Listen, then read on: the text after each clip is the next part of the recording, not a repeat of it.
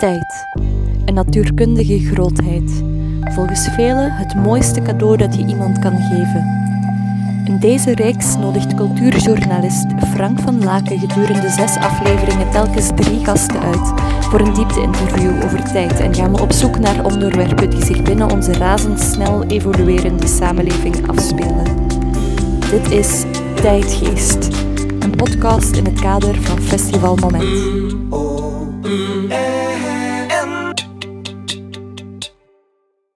Welkom alle drie. Um, het C-woord gaat uh, deze week wel vaker passeren, omdat dat toch zeer ingrijpend is geweest in al onze levens. C-woord corona, zal het maar vanuit uh, zeggen, of COVID-19 ook met een C.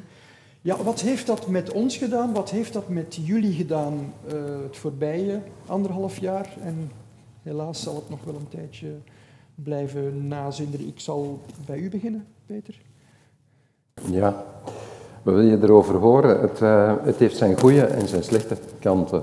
Uh, ik denk dat er een groot verschil was tussen de eerste golf, uh, de eerste lockdown, en dan de periode daarna. Hè, dat de eerste lockdown, ja, het doet niet slecht, niet slecht van eens stil te staan, van eens tijd te hebben alleen maar met, met de mensen rond je, je eigen gezin. Um, en ja, het is natuurlijk toch ook wel fijn van te voelen dat je zoveel mensen mist. En dat je ook gemist wordt. En, uh, dus ik denk dat vele mensen vandaag, als mensen zeggen ik ben eenzaam, dat vele mensen dat vandaag veel beter begrijpen. Hè, dat er meer begrip is voor um, de, de nood van mensen om omringd te zijn. Hè, dat wij echt men, mensen zijn die anderen nodig hebben. Maar de tweede periode was natuurlijk toch wel veel moeilijker. Uh, veel wisselende regels. Um, ik in mijn geval, ik ben uh, halftijds professioneel babysitter. Uh, dus ik zorg twee dagen in de week voor kleinkinderen. En ik zie eindelijk mijn vak in de realiteit. ik vind het geweldig van, van een, een baby Enfin, het zijn kinderen tussen uh, vijf maanden en drie jaar, uh, die je wekelijks ziet en dus waar ik nu van, van dichtbij de taal zie ontwikkelen, de motorie. Maar zeker die taal is zo fascinerend hè, dat ik zie van, ah ja, dat klopt dus toch wat dat er in al die boeken staat. Um, want, want, en, en eigenlijk ja, moet ik dan ook tegen mijn kinderen zeggen van, ik heb dat van jullie niet zo gezien. Hè. Um, misschien, misschien goed, want anders zouden we er geen vier gehad hebben, denk ik. Um, maar je ziet toch dat er zijn fasen in je leven waarin dat de snelheid ook wel blijkbaar nodig is om door te doen. Je kunt niet bij alles blijven stilstaan. En dan, ja, dit, dit moment, het, het genieten van het stilstaan. En, uh, en gelukkig kon, kon in de tweede periode met alle nodige voorzorgen uh, ik dat wel opnemen, die babysit. Maar ik kan me voorstellen, zeker die eerste lockdown die heel strikt was, uh, dat dat voor u, want u bent wel gepensioneerd als hoogleraar, maar zeker nog niet als uh, jeugdpsychiater, nee. dat dat heel ingrijpend moet geweest zijn, want u kon geen patiënten, als ik ze zo mag noemen, meer ontvangen dan? Ja, ik heb dat in de eerste lockdown gedaan. Maar daarna ben ik uh, mijn praktijk uh, begonnen. Ik moet heel eerlijk zeggen dat ik grote moeite heb met de vele waarzeggers hè, die opgestaan zijn in COVID. Uh, om te voorspellen hè, van. Soms werd er wel zelfs gesproken van er is een verloren generatie, want ze heeft een tijd geen school gehad. Hè, wat ik mij afvraag, zijn alle mensen de verhalen van de oorlog vergeten in hun families of zo? Um, er, er, wordt voorspeld van we gaan een golf van mentale problemen hebben. Um, ja, hoe, hoe, zou je dat weten? Hoe zou je dat weten? En, uh, en ik vond in mijn beroep, waar, waar, dat het net mogelijk is van op afstand te zitten van elkaar, hè, en, en waar dat je met een mondmasker kan werken, ja, dat ineens jongeren naar huis gestuurd werden, omdat afdelingen gesloten werden of tehuizen voor jongeren gesloten werden. Eerst wordt er getoeterd van, ja, maar die moet in, hè, die, die moet in een tehuis verblijven, want het is een gevaarlijke thuissituatie. Ja? Maar dan voor de lockdown, nee, dat gaat toe en die moet naar huis. Er is niemand niet meer. Ja, hoe moet zo'n kind of een jongere ons nog begrijpen? Hè? Wij, wij vinden het dramatisch als we er tijd voor hebben. Ja? Maar als we zelf enig gevaar lopen, ja nee, dan gaat de deur toe. Dus nee, ik heb live gezien. Ik moet ook helemaal niet hebben van het enthousiasme van de psychologen voor de videoconsultaties. Hè. Als ik dat maar mag zien van iemand. Hè. Als wij weten hoeveel wij aflezen aan, aan elkaars lijf, ja, dat is zo'n verenging van de taal. Hè. Uh, waar dat hier een heel festival over gaat. Hè. Uh, het gaat toch over dat belang van alle prikkels. Hè. Je, bent een, je bent een geheel. Dus uh, nee, ik, uh, ik was blij dat ik het toch kon doen. Mm -hmm. Sophie, wat heeft het voor u betekend deze periode? Ja, ik denk zeker de eerste lockdown. Voor mij was dat denk ik een beetje het tegenovergestelde. Als u zegt, ja, voor mij was het ook ergens rust en die kinderen van dichtbij. Ik had ook twee kinderen heel dichtbij, ja. maar een beetje te dichtbij soms. Um, dus twee heel jonge kinderen en dan in combinatie met thuiswerken um, was dat ja, vaak heel erg een uitdaging. Um, er werd dan ook eigenlijk na die eerste lockdown gezegd vanuit, vanuit FOCA was dat dan, van we gaan nu echt allemaal een tandje bijsteken. Um, we gaan de komende uh, periode gaan we toch niet op vakantie, we gaan, we gaan toch de economie aanzwengelen, we gaan toch echt heel duidelijk stimuleren van we hebben nu allemaal rustig thuis gezeten, nu gaan we eens goed gas geven. Terwijl ik in mijn eigen omgeving zag, met heel veel werkende jonge ouders, dat die eigenlijk heel erg op hun tandvlees zaten. Dat die, ja, hoe dat wij dat zelf deden, was dat de ene staat op om zes uur s morgens en werkt dan van zes tot de middag. De andere is bezig met de kinderen en dan in de namiddag omgekeerd. S'avonds probeert je allebei rap nog wat uurtjes werk in te halen, want op een halve dag is uw werkshift niet gecoverd. En s'nachts zijn er dan nog twee kinderen met een nachtmerrie hier of een, een hoestbui daar of een fles melk. Of een... Dus dat was die drie maanden lang voor heel veel mensen heel zwaar. Ja, mhm. eigenlijk heel zwaar. Ja, en u maakt documentaires. Kon u blijven werken in die periode?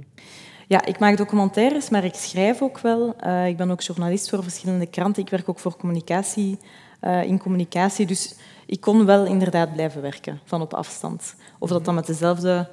Ja, documentaires inderdaad waren dan niet mogelijk. Um, communicatie doen we dan zo goed mogelijk, maar inderdaad in beperkte mate. Hè.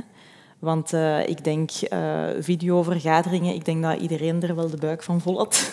Misschien al na een paar weken. Maar ik ben ook wel dankbaar dat we die systemen hebben. Dat er een mogelijkheid is om met elkaar in contact te blijven. Want ik kan mij ook niet voorstellen... Um, als in die periode mijn gsm een maand niet zou gewerkt hebben, of mijn computer, of dat ik echt met niemand nog in de buitenwereld zou kunnen communiceren, dat zou nog veel beklemmender geweest zijn. Ja. Mm -hmm. Stefan, hoe is het voor u geweest? Um, ja, ik ben iemand die zich heel snel aanpast aan, aan situaties. Uh, ik vond de eerste lockdown vond ik wel, uh, langs de ene kant wel, wel goed om eens even tot rust te komen. Um, ja, die communicatie die is er altijd geweest. We hebben, ja, we hebben FaceTime, we, we kunnen, er zijn zoveel manieren nu om toch nog elkaar te zien. Ook al waren we in ons kot opgesloten. Nu, ik, uh, ik woon op het platteland, dus ik heb uh, een, een, ja, een veel ruimte rond mij. Dus ik, ik voelde mij ook niet echt opgesloten. Uh, mensen die in een stad wonen, op een, op een appartement zitten, is dat veel moeilijker. Maar ik had dat niet, dus ik, ik vond de eerste lockdown vond ik wel goed. Alleen, ja, eh, in ons geval, dus uh, Liam die met zijn carrière bezig is, ik doe zijn begeleiding. Ja. Zijn ook, alle, een, ook een motocrosser? Ook een motocrosser, ja. Een derde generatie zit eraan te komen. Um, zijn de wedstrijden weggevallen en dan was het ja, afwachten van wanneer gaat er terug iets komen. Ondertussen zijn die wedstrijden dan wel terug opgestart, maar uh, ja, het, is, het, is niet, het is niet simpel om te reizen. Elke dag veranderen de zones overal en je moet uh, passenger locator form invullen en dan weer niet. Je moet uh, PCR-testen afleggen elke twee dagen. Of ja, nu hebben we een vaccinatie. Uh, dat is nu al iets gemakkelijker, maar het, is, het is een puinhoop. En, en ja, ik, ik, ik, ik, kan, ik kan er mij niet in vinden. Ik kan er mij ook niet in aanpassen. Helemaal niet. Dus het is langs de ene kant heel moeilijk en ik laat het allemaal maar op zijn beloop gaan. Ik probeer het niet uh, met te fel aan te trekken en wat moet, moet. En het zal, het zal vroeg of laat zal het wel veranderen. Ik bedoel, we gaan wel terug naar de normale tijd gaan. De vraag is, wanneer gaat dat zijn? Gaat dat volgend jaar zijn of het jaar nadien? Of, maar het zal ooit terugkomen, sowieso. Mhm. Het virus heeft u ook even te pakken gehad, hè? heb ik gelezen. Ja, ik heb wel even corona gehad. Ik uh, ben niet al te ziek geweest. Een, een weekje ben, heb ik plat gelegen. Mijn vrouw heeft het ook gehad. Die heeft me drie dagen plat gelegen. Dus het, ligt dus gewoon bij iedereen anders. Uh, voor mij is het ook een soort ja, andere griep. Ze noemen het corona. Maar het is een andere griep. En, en ja, bij sommige mensen is het agressiever uh, en bij sommigen is het minder. En ja, dat is, uh, dat is erg voor wat er allemaal is geweest. En, en ja, het is nu zo. Dus wij zijn er goed van afgekomen. Ja, ik wil even ongeveer drie jaar terug in de tijd, want dat was een, een veel pijnlijkere periode. Ik denk letterlijk en figuurlijk, want toen was er malaria. Even schetsen, u gaat deelnemen aan nota bene een benefietwedstrijd voor jonge kinderen in Lubumbashi, in Congo. Ja, klopt. U komt terug en dan blijkt dat de malariamug u te pakken heeft gehad. En dan is het toch wel even kantje boord geweest. Even, ja. Ik ben uh, ja, dik, uh, 17 dagen heb ik in coma gelegen. Mm -hmm. Dus uh, echt op leven en dood gelegen. Dus ja, het was bangelijk afwachten. Ik heb er allemaal niks van geweten. Ik ben zulkens terug bijgekomen en dan beginnen ze nu van alles te vertellen, van dat en dat is gebeurd. Uh, dat heeft toch wel even geduurd voordat dat is ja, doorgedrongen. En ja, dus, uh, het, is, het, is, ja, heel moeilijke, heel moeilijke periode gehad. Ik ben er gelukkig door, doorheen gekomen. Ik heb een tweede leven nu. Mm -hmm. Dus uh, volgend jaar word ik 50, maar in principe word ik nu terug 2,5 jaar. Dus ik ben een nieuwe cyclus begonnen. Um, maar uh, ja, malaria is misschien voor ons allemaal niet zo gekend. We kennen het woord malaria, maar ik heb het nu uh, ondervonden wat het teweeg kan brengen. En het is een van de grootste killers op deze planeet. En we zitten nu met die global warming, of uh, opwarming van de aarde. Dus het zou wel eens kunnen dat ook die malaria-vlug ook wel, mug, ook wel eens naar hier zou kunnen komen. Maar misschien niet meer voor onze tijd, maar in de toekomst zou dat wel kunnen. Dus. Maar malaria, ja, dat is, is ook een... Ja, ik heb een soort griep. Ik, ik voelde me heel grieperig op dat moment. En ik had koorts. En ik was al een dokter geweest en zo. En, en, ja, we dachten dat het gewoon een griep was. En, en voordat ik het wist, lag ik plat in het, het ziekenhuis. En, uh, ja, en, ja, en dan is de miserie pas te goed begonnen. Maar ik heb het overleefd, nog maar met twee tenen nu, maar dat wil ik er wel bij nemen. Ja, want we ik er net bij zeggen, er is die periode in het ziekenhuis, die kritieke periode toch wel, maar ondertussen zijn er ook nog een aantal nakomende operaties geweest. Hè? Dus is, is het nu helemaal voorbij, die, die miserie, of is dat toch nog... Ik hoop van wel. Dus, uh, de amputaties zijn, zijn allemaal gebeurd. Dus uh, ik heb nog twee tenen, de dikke teen en de tweede teen.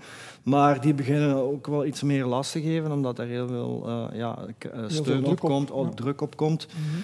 Maar dan zullen we wel zien wat dat brengt.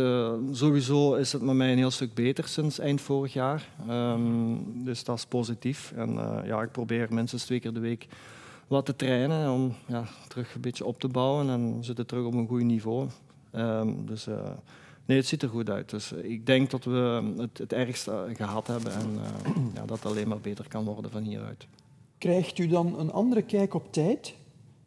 door wat er gebeurd is. U zei net, ik ben nu 2,5, um, een nieuw leven. Maar krijgt u dan een andere kijk op Ja, in het begin wel. Ik was in het begin, ja, ook omwille omdat ik uh, niet echt kon met mijn voeten. Maar ik ben altijd iemand geweest die door het leven raasde. En dat is nu weer stil aan het terugkomen, omdat ik me beter en beter voel. En ook minder pijn heb aan mijn voeten. Uh, dat zit gewoon in mijn genen, dat zit gewoon in mijn lijf. Uh, ik kan niet rustig door het leven gaan. Ik moet gas kunnen geven en, en dat is nu weer, weer terug in komen. Mm -hmm. uh, maar ik heb wel een periode heel kalm gehad. En vorig jaar met die eerste lockdown was het ook heel rustig. Ik heb er wel even van kunnen genieten. maar toch zit dat niet in het aard van het beestje. Ja. We gaan negen jaar terug in de tijd, Sophie. U studeert aan het RITS en u hebt een idee voor een eindwerk uh, over uh, seksuele intimidatie op straat. Daar, die, die draaien dan ook die documentaire, die korte documentaire, Femme de la Rue. En plots was u wereldberoemd in Vlaanderen, want er was een probleem dat er al was, werd plots zeer zichtbaar. Wat heeft dat voor u betekend? Ja, dat heeft denk ik veel betekend in de zin dat je inderdaad als student denkt ah, dit is een probleem waar ik eigenlijk dagelijks mee word geconfronteerd. Ik moet nu ook na vier jaar een eindwerk maken, documentaire, dus waarom niet daarover? Um, er was eerst wel wat weerstand van. Um, en zonder het rits te willen ergens daarin te bekritiseren, want ondertussen is er ook al veel evolutie. Maar er was eerst een achtkoppige jury die moest beslissen, is dit een goed idee? Is dit een onderwerp waar echt voldoende over te vertellen valt? Is het een echt probleem? Um, en dat was een achtkoppige jury omwille van het feit, dan zijn er zeker mensen met verschillende perspectieven die kijken en die thema's toch verdedigen of, of uh, die er anders naar kijken. Maar dat waren, dat waren acht um, ja, witte mannen van boven de veertig. Dus dat was niet echt een diverse, een diverse jury, waardoor er eigenlijk oorspronkelijk veel weerstand was. Oorspronkelijk van ja, maar is dat wel een probleem? En is het niet eerder een probleem voor de vrouwen die nooit eens een complimentje krijgen of nooit eens nagefloten worden? Of... Dus dat vroeg wel wat om dat dan te verdedigen. Um, gelukkig is dat dan wel uh, gelukt en heb ik dat dan kunnen draaien. Um, maar dat werd dan eigenlijk, omdat ik een oproep lanceerde naar getuigenissen, werd dat ook opgepikt door Radio 2. Uh, eh, is VRT kreeg daar dan lucht van, van ah, dat is precies toch wel interessant. Kunnen we dat voor ter zake uh, niet uitzenden? En toen is eigenlijk de bal aan het rollen gegaan en is dat echt, ja, werd dat probleem echt een stukje inderdaad zichtbaarder. Hè? Want -hmm. ik denk, ik heb het warm water daarmee niet uitgevonden. Dat was al, al jaren was dat een probleem. Maar ik denk omwille van um, de vertelling, een persoonlijke vertelling, het echt kunnen laten zien, die ervaring proberen te reconstrueren voor mensen die er misschien zelf nooit echt mee te maken hebben gehad, dat dat toch dieper raakt. En dat dat toch misschien die boodschap helderder aankomt. Ja. En er is een antiseksisme-wet uit voortgesproken. Ja, dus ja. die documentaire is daartoe de rechtstreekse aanleiding geweest. Ja, klopt. Ja. Dus dat is wel heel fijn. Ik denk iemand die documentaire maakt of die verhalen vertelt in het algemeen, dat kunnen ook boeken zijn of dat kunnen ook andere vormen zijn, dat die wel hopen dat er een zekere impact is van hetgene wat je wilt vertellen of wilt aankaarten natuurlijk. Dus dat was heel fijn dat daar effectief wel een reactie op kwam. Um, en ik ben dan zelf ook gestart daarna uh, op VRT, om dan, en dan ben ik zo in de journalistiek en de communicatie uh, echt terechtgekomen, professioneel dan. Mm. U heeft gefilmd in de Anneseswijk in Brussel. Mm -hmm. uh, een wijk die voor 99% bestaat uit mensen met een migratieachtergrond. Mm -hmm. Maar, voor alle duidelijkheid, het probleem seksisme is niet alleen bij die mensen terug te vinden. Als we, ziet, als we nee, zien dat dit is weekend jammer genoeg net een aantal inderdaad. opmerkingen die Ja. worden gemaakt over basketsters. Um, ja, het probleem is wel iets ruimer dan dat. En dan kom ik bij u terecht. Voeden we onze jongens misschien fout op? Maken we daar bijna automatisch macho's van? Ja, het woord fout is altijd een moeilijke, hè, omdat, om, ja, dat gaat dan over het vingertje. Mhm. Ehm, maar dat daar een eh, hele andere beweging in nodig is, dat is, dat is buiten kijf. Hè. Eh, ik vind toch wel, wat Sylvie gedaan heeft, ehm, is zo belangrijk geweest. Hè. Eh, en, en vind ik ook zo'n belangrijke illustratie ehm, dat, dat ook jonge mensen, dat, het niet altijd gaat over mensen met ervaring en, en, enzovoort, die dan iets maken, maar hoe dat jonge mensen eh, signalen kunnen detecteren en vormgeven, hè, in een taal vertalen die ineens heel veel mensen bereikt. Hè. Ik, kan, ik kan alleen maar vaststellen in, in mijn werk dat, dat veel met geweld en mishandeling te maken had en heeft. Ehm, dat, die, dat die notie, hè, femme de la rue, dat, is een, dat is een term die mensen gebruiken. Hè. Dat is een term die, waar dat, eh, jonge mensen, maar ook oudere mensen zich in herkend voelen. En dat, dat is toch een... eh, heel vaak zie je dat je dat je mensen nodig hebt die die klik vinden van daar zowel taal voor te geven als beeld voor te geven. De, de twee tegelijkertijd die maken dat het bij iedereen binnenslaat. hè. En dan krijg je uiteraard, maar het is al veel langer bezig. Hè. Het is eh, volgende week jammer genoeg ook de week waar dat we herdenken dat 25 jaar geleden Dutroux aangehouden is. Hè. Ehm, ja, dat zijn toch ook altijd momenten om, om daar terug over te denken. En ik weet dat ehm, op dat ogenblik er ook heel wat mannen waren die reageerden van, ja, met al dat gedoe rond, hè, je, moet, je moet kinderen en jongeren opvoeden dat ze weerbaar zijn tegen seksueel geweld. Hè. Van straks vinden ze uh, iedere man een gevaar en, en mocht u als vader niet meer in uw blote tonen aan uw kind. Uh, ja, je moet blijkbaar altijd zo wat door die paranoia hè, om terug tot uh, redelijk verstand te komen. Hè. Um, jongens, jongens hebben natuurlijk een andere natuur. Hè. Uh, we moeten ook wel oppassen, ehm, zoals iedere ouder uh, aldoende moet ervaren. Ehm, het is niet zo dat je met wat opvoeddrukken er het kind van maakt dat je denkt. Hè.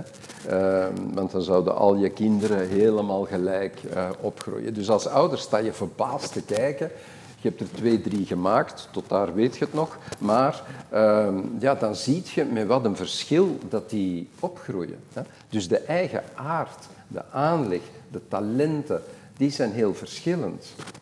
Het lijf is ook verschillend. Hè. Uh, waar we vandaag, wij zien dat we voor moeten oppassen, dat is dat we niet in het andere vallen van jongens, hè, kinderen, jongens, uh, tieners, af te remmen in hun ontwikkeling. Want, want, we willen niet dat jongens agressief zijn. We, willen dat die, die agressie moet ingedijkt worden. Maar er is wel een verschil tussen een kind van 8 en, en een van 38. Ja? Um, dus het gaat, het gaat de verkeerde kant uit als wij continu daar remmen. Je moet dat zo niet doen. Ja? Um, het belangrijke is dat jongens, meisjes, met hun lijf leren gebalanceerd te leven. Hoe, hoe breng je de dingen in evenwicht? En geniet van je energie en je impulsiviteit. En hè, jongens nemen meer risico dan meisjes. Um, dat is zo, hè, dat is zo. Maar hoe pak je dat mee in de taal om te zeggen, maar met, met die energie, ja, nou, dan zou je best wat kunnen bereiken als je de sport ingaat enzovoort. Um, dus hoe, toon je de weg met de mogelijkheden? Um, speelt opvoeding dan geen rol? Jawel, hè? wij blijven zien dat heel veel jongens die zich baldadig gedragen naar meisjes, vaders hebben die daar de deur voor openzetten. Ja. Er zijn nog altijd, kijk wat dat er nu met de Red Cats gebeurd is, met die journalist de Marais, ja, uh, nou, daar kan ik alleen maar van zeggen, dit gebeurt in zoveel gezinnen ja, waar dat nog altijd de platte mop gevoerd wordt. Ja.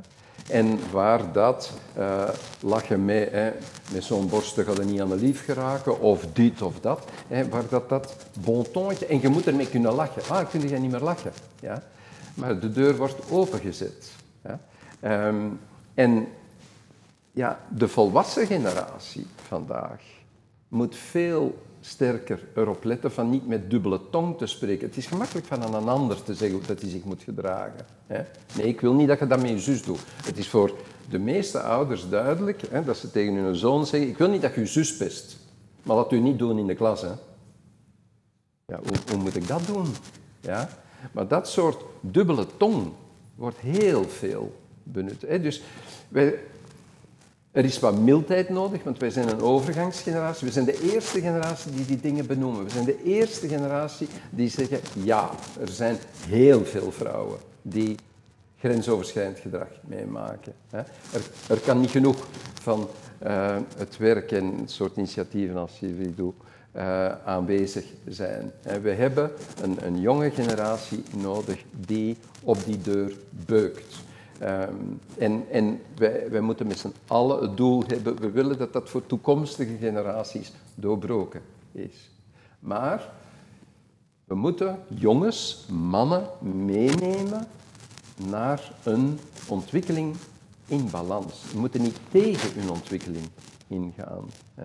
Maar hoe gaat je met uw ontwikkeling mee? En dat is voor iets dat voor mij in onderwijs nog te sterk ontbreekt, hè, dat is hoe kunnen we gebruik maken van de eigen talenten van, van een jongen waarvan dat je weet, die, die kan eigenlijk heel, heel snel humor uh, verkopen. Hè, van, nou, ik, zou, ik had graag gehad dat wat dat je nu doet, je kunt eigenlijk heel goed grapjes maken. Ja? Ik had eigenlijk liever gehad dat je die opmerking met een grapje zou maken. probeer die eens op mij. Probeer eens op mij. Dat, eh, dat, dat, een jongen die eh, het moeilijk heeft om rustig te zitten in een klas, dat die, zoals in Nederland veel meer eh, op dit ogenblik kan, dat die twee keren in de voormiddag mag die ineens opstaan, ga, ga maar buiten, tien minuten, ja, eigen verantwoordelijkheid, ja, ga, ga misschien een balkje stampen op de speelplaats, kom terug binnen gewandeld. En komt erbij, want je bent intelligent, je kan goed mee, enzovoort, enzovoort. Ja? We, we struikelen niet alleen maar over die hyperactiviteit of die energie en zo. Mhm. U heeft alleen maar dochters. Jullie hebben er eentje van elk. Ehm, ga je daar anders mee om met jongen en meisje? Of probeer... Ik zou nu heel graag kunnen zeggen nee. ik doe dat, perfect, helemaal hetzelfde. En maar, uh, maar het zijn twee verschillende kinderen. Los van jongen of meisjes, het zijn twee heel verschillende karakters. Um, dus ze vragen ook een andere aanpak. Ik ben zelf, denk ik, ik was denk ik de perfecte ouder voor ik kinderen had. Um, omdat ik het dan allemaal wist en dacht, ah ja, ik ga het dan zo doen en zo doen en dat zou ik nooit doen. En ik zou, uh, maar um, ondertussen weet ik van ja, die kinderen en jongens en meisjes of kinderen onderling zijn niet gelijk. Ze zijn verschillend en ik moet ze ook verschillend aanpakken.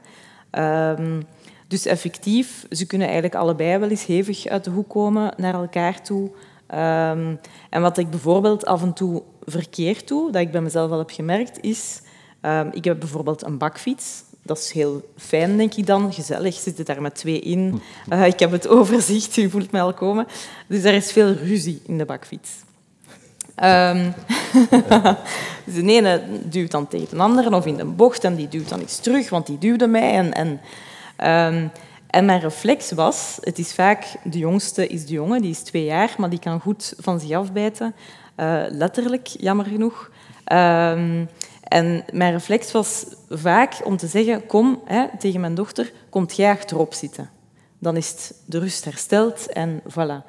Maar eigenlijk is dat wat ik zie ook. Ik werk als communicatiewetenschapper ook voor uh, het Instituut voor de Gelijkheid van Vrouwen en Mannen. Eigenlijk een reflex die we ook zien bijvoorbeeld op de werkvloer bij uh, seksueel grensoverschrijdend gedrag op het werk. Um, dat een reflex bij een vertrouwenspersoon of een leidinggevende die zo'n klacht krijgt, ook vaak is, laat ons uh, het slachtoffer weghalen uit die moeilijke omgeving uh, en dan is het probleem opgelost. In plaats van eigenlijk de confrontatie aan te gaan en te zeggen hey, jongens, laat ons eens samen zitten, dit is niet oké, hoe gaan we dat aanpakken? Um, dus nu probeer ik daar wel bewuster mee om te gaan. En ook achteraf, op het moment zelf is dat soms moeilijk, maar achteraf als het rustiger is, te zeggen, wat is er nu gebeurd? Uh, we doen elkaar geen pijn, waarom deed jij dat? Ja, maar als je ziet dat zij pijn heeft, dan stop je. En daar zo in conversatie over te reflecteren, wat mijn tweejarige niet altijd heel lang kan duren of zo. Um, maar op dat soort van dingen toch wel te letten. Dat het niet dan is van het meisje moet zich dan aanpassen of um, ga ik dan beschermen of ik moet haar ook leren van nee, jij mag ook wel zeggen dat het echt niet kan of je grens aangeven. Um, ja, ik denk ook naar seksueel misbruik en zo, dat ik ook echt probeer aan mijn kinderen al te leren, ook al gaat dat over onschuldige dingen. Als ik een kittel of zo, of, en zij zeggen stop, stop, dan stop ik ook en dan zeg ik ja, jij mag dat bepalen. Hè? Want jouw lijfje is van jou, dat is, dat is uw grens en ik ga die ook respecteren. En omgekeerd ook, als je ziet dat hij het niet leuk vindt, dat je hem slaat of dat je hem duwt, stop dan. Hij moet dat zelfs niet letterlijk zeggen, maar stop dan. Daarvoor ben ik er dan. maar om dat zo toch wel een beetje mee te geven, ja. Ik denk dat ik dat zo probeer. Die van u zijn al iets ouder. Ouder, dat zijn tieners. Ja, Liam is 17 en mijn dochter is 10 jaar. Uh, maar ik kon, ja, mijn dochter is geboren en ik wist direct dat is, iets, dat is een ander ras. Dat, dat merkte je dadelijk toen ze eruit kwam. Ja, dat is een meisje. En het was een echt vrouwtje. ja, het is, het, is, het, was, het, was een, het is een echt vrouwtje. En, en, en ze staat daar manneke. Uh, zelfs soms meer dan, dan Liam, die dan zes jaar ouder is. Maar ja, goed, opvoeding uh, is soms moeilijk. Uh, zeker in ons geval, omdat ja, Liam krijgt enorm veel aandacht, omdat hij met zijn carrière bezig is. En, en ja, daar draait momenteel alles rond. En, en de dochter staat dan een beetje in de schaduw. Zij doet dan uh, turnen in, in Hasselt uh, en zij gaat daar verder en verder mee. Had ik eigenlijk niet verwacht, want ik had haar gezegd toen ze geboren is, gezegd, mottos dat is niet voor meisjes. Dat is alleen voor jongens. Dat was ik een beetje... Ja, ik wou mijn dochter niet op een motto zien. Ik vind mijn dochter die moet mooi zijn en die, die, die moet studeren en die moet slim zijn en intelligent, maar niet op een crossmotto zitten. Dat vond ik niet kunnen ja, daar, ben ik redelijk zwart-wit in geweest. ja, dat is een beetje cliché. Ja, dat is misschien niet iedereen kan dat begrijpen, maar ik ken de sport en het is, het is een heel gevaarlijke sport die we doen. En, en ik zie Liam, ik ben iedere keer als Liam heel huids naar huis gaat, naar elke training, naar elke wedstrijd, dan ben ik zo gelukkig. Maar ik weet, nog, ik weet dat er nog zoveel wedstrijden gaan komen in zijn carrière en zoveel trainingen en zo. Dus ik ga nog heel veel die schrik moeten doorstaan. Ik, ik weet, ik weet zo goed wat er elk moment kan, kan fout lopen. Maar zwart, uh, dus we proberen ja, dat balans, wat we proberen te zoeken in alles, uh, waar het leven eigenlijk om draait, de balans vinden tussen de zoon en de dochter zo goed mogelijk te vinden. Wat niet zo evident is in onze situatie, maar... Uh, mijn vrouw is daar ook heel, heel kordaat in en, en uh, ja, die, die helpt me daar wel zo goed mogelijk mee. Zit er een nieuwe Nina Derwal aan te komen? Ik Zonder weet druk het niet. te pushen? Ik uh, weet het niet. Um, ik weet het niet. Ik hoop eerder dat er een nieuwe Stefan Evers aankomt. maar ja, voor mijn dochter ik kan dat moeilijk inschatten. Omdat ik had nooit niet gedacht dat zij um, verder zou willen gaan met haar, met, met haar turnen. En de ambitie groeit alleen maar. Uh, dus we zullen zien. Ik, ik, ik zeg altijd van ja, ik bedoel, eh, we gaan in de toekomst ga ik naar het WK motocross en ooit ga ik naar de Olympische Spelen, zeg ik altijd tegen Miley. Dus ik probeer haar dat wel een beetje te stimuleren, maar dan zegt ze nee, nee, nee. Maar we zullen wel zien. Dus ik zou, ik zou het niet liever willen dan dat dat zou gebeuren, uiteraard. Maar uh, we zien wel wat de toekomst brengt uh, voor de dochter en ook voor de zoon. Dus, uh. mm -hmm. Terug even naar het C-woord, ja, excuseer, af en toe moet het passeren. Um, Sophie, u heeft een opiniestuk geschreven waarin u waarschuwt, dat is eigenlijk helemaal in het begin, voor een mentale pandemie die er zat aan te komen. U heeft mee een open brief ondertekend um, in februari, denk ik, van dit jaar, waarin er werd voor gepleit om de vaccinatievolgorde om te draaien. Want er was bepaald eerst de ouderen, uh, de mensen die aandoeningen hebben, die moeten we in veiligheid brengen en dan zakken we helemaal af ja, tot waar we nu ongeveer zijn. Nu komen de jongeren aan bod. Het voorstel daar was van draai het gewoon om, dan hebben die jongeren terug meer vrijheid. Um, daar is niks van gekomen. Nee. Het was natuurlijk ook een beetje om een, ja, om een statement te maken. Hè? Want als je een opiniestuk naar de krant stuurt dat de middenweg bewandelt, dan wordt het niet gepubliceerd. Um, dus, dus het was duidelijk om te gaan tekenhangen hè, van, uh, van waar de logica alleen de ouderen. Hè. Uh, terwijl ik vind dat iets wat dat uh, heel erg ontbreekt in onze samenleving, dat is het, het transgenerationeel gesprek hè, tussen de generaties. Hè.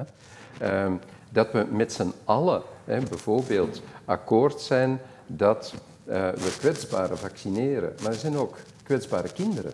Er zijn kwetsbare jongeren, er zijn kwetsbare jongvolwassenen.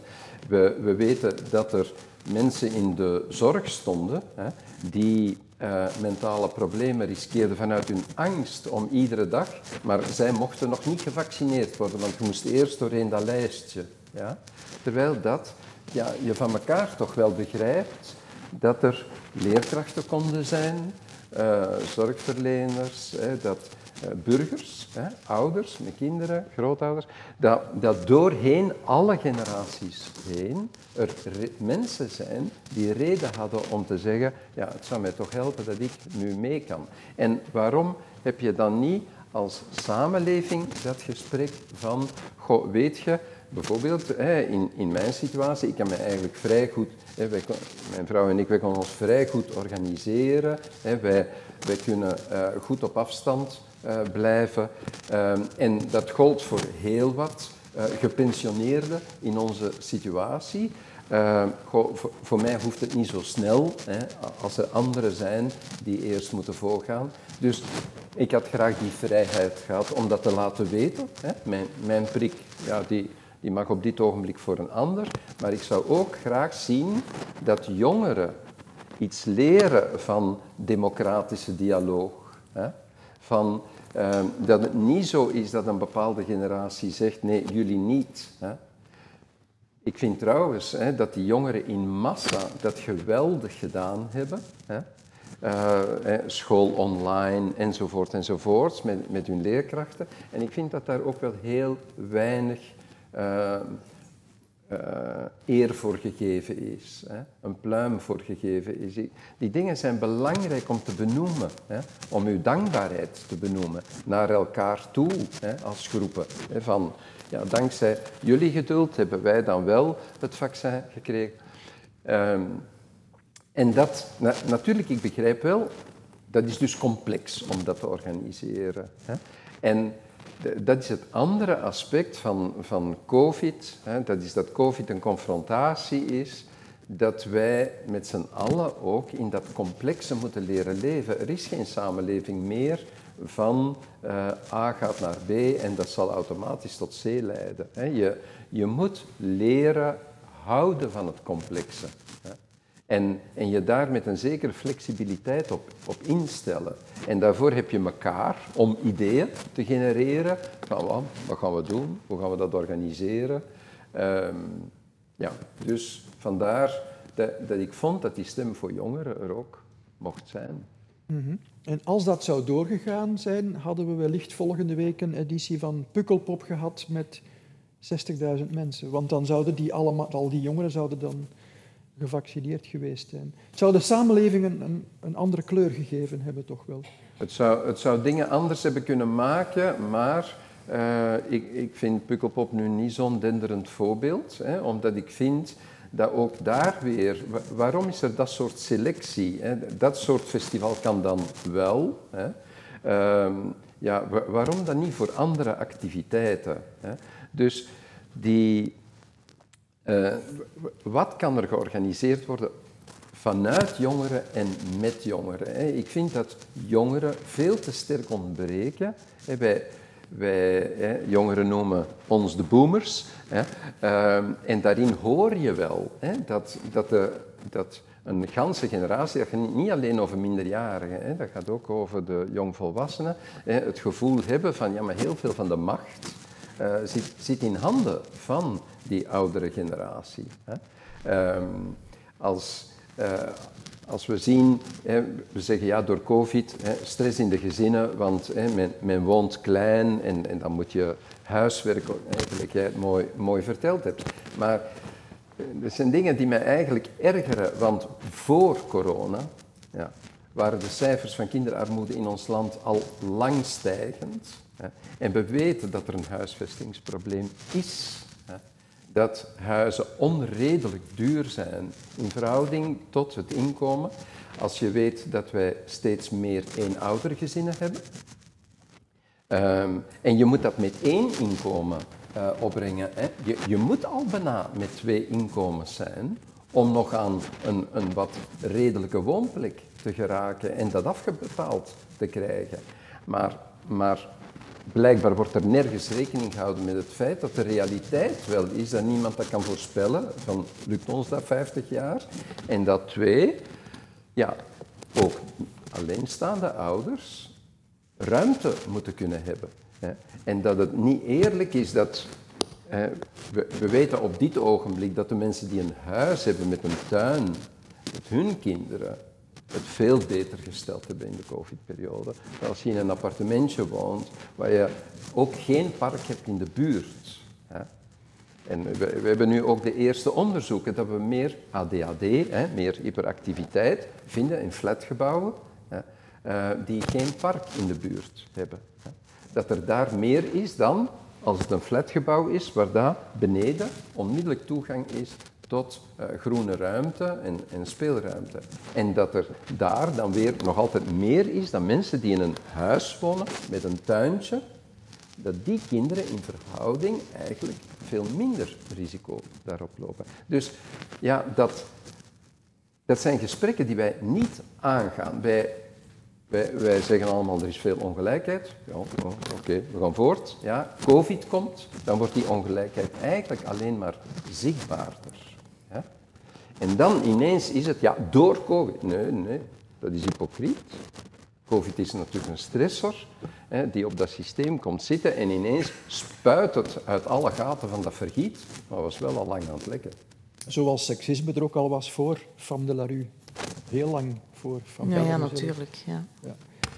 Sophie, we noemen ons als samenleving wel eens geëmancipeerd, maar de vaststelling, zeker in de eerste lockdown, was dat heel veel werk toch weer op de schouders van de vrouwen terecht kwam, op de moeders met, met jonge kinderen. Iedereen werkte van thuis, maar de zorg kwam dan toch op de schouders van de vrouwen terecht. Het bleek dan toch allemaal Ja, ik denk dat dat een beetje aansluit inderdaad bij, bij wat meneer Adriaanse zegt. Van inderdaad, ehm, dat was al een bestaand probleem. Als je naar de, de cijfers kijkt van de verdeling huishoudelijk werk eh, en zorgtaken nu, op dit moment, in een Vlaams doorsnee gezin, gaat nog altijd veel meer naar de vrouw in verhouding dan naar de man. Ehm, en op zich, puur, en dat is misschien een vreemde uitspraak van mij als feministe, maar op zich is daar geen probleem mee. Op zich is dat geen probleem als dat is wat dat je samen ehm, als koppel hebt beslist van "Wel, dit is onze verdeling, we gaan dat zo doen. Ehm, maar heel vaak is dat zeer sluipend, is dat eigenlijk gewoon het levendeel van de zorgtaken die in uw schoot belandt, willen snel is. En dat is wel een probleem. En dan denk ik dat corona daar inderdaad een extra druk op zet en dat het dan de vrouwen zijn die nog extra water moeten slikken. Ja. Maar dat is geen nieuw probleem. Ja. Stefan, ik wil het over een toekomstige wereldkampioen, laten we hopen, motocross hebben. Maar ook over de druk die daarbij ontstaat. Want u bent zelf de zoon van Harry Evert, vier keer wereldkampioen. Ehm, u heeft wel eens in interviews gezegd dat u de manier waarop hij omging met, met uw talent niet oké vond. Trek je daar dan lessen uit? Ja, ik probeer een verbeterde versie te zijn dan van mijn vader. Bedoel, mijn vader eh, is in armoede opgegroeid, eh, heeft veel ellende gekend en is dan toch sportman geworden, wereldkampioen met polio. Eh is nog maar een zware handicap.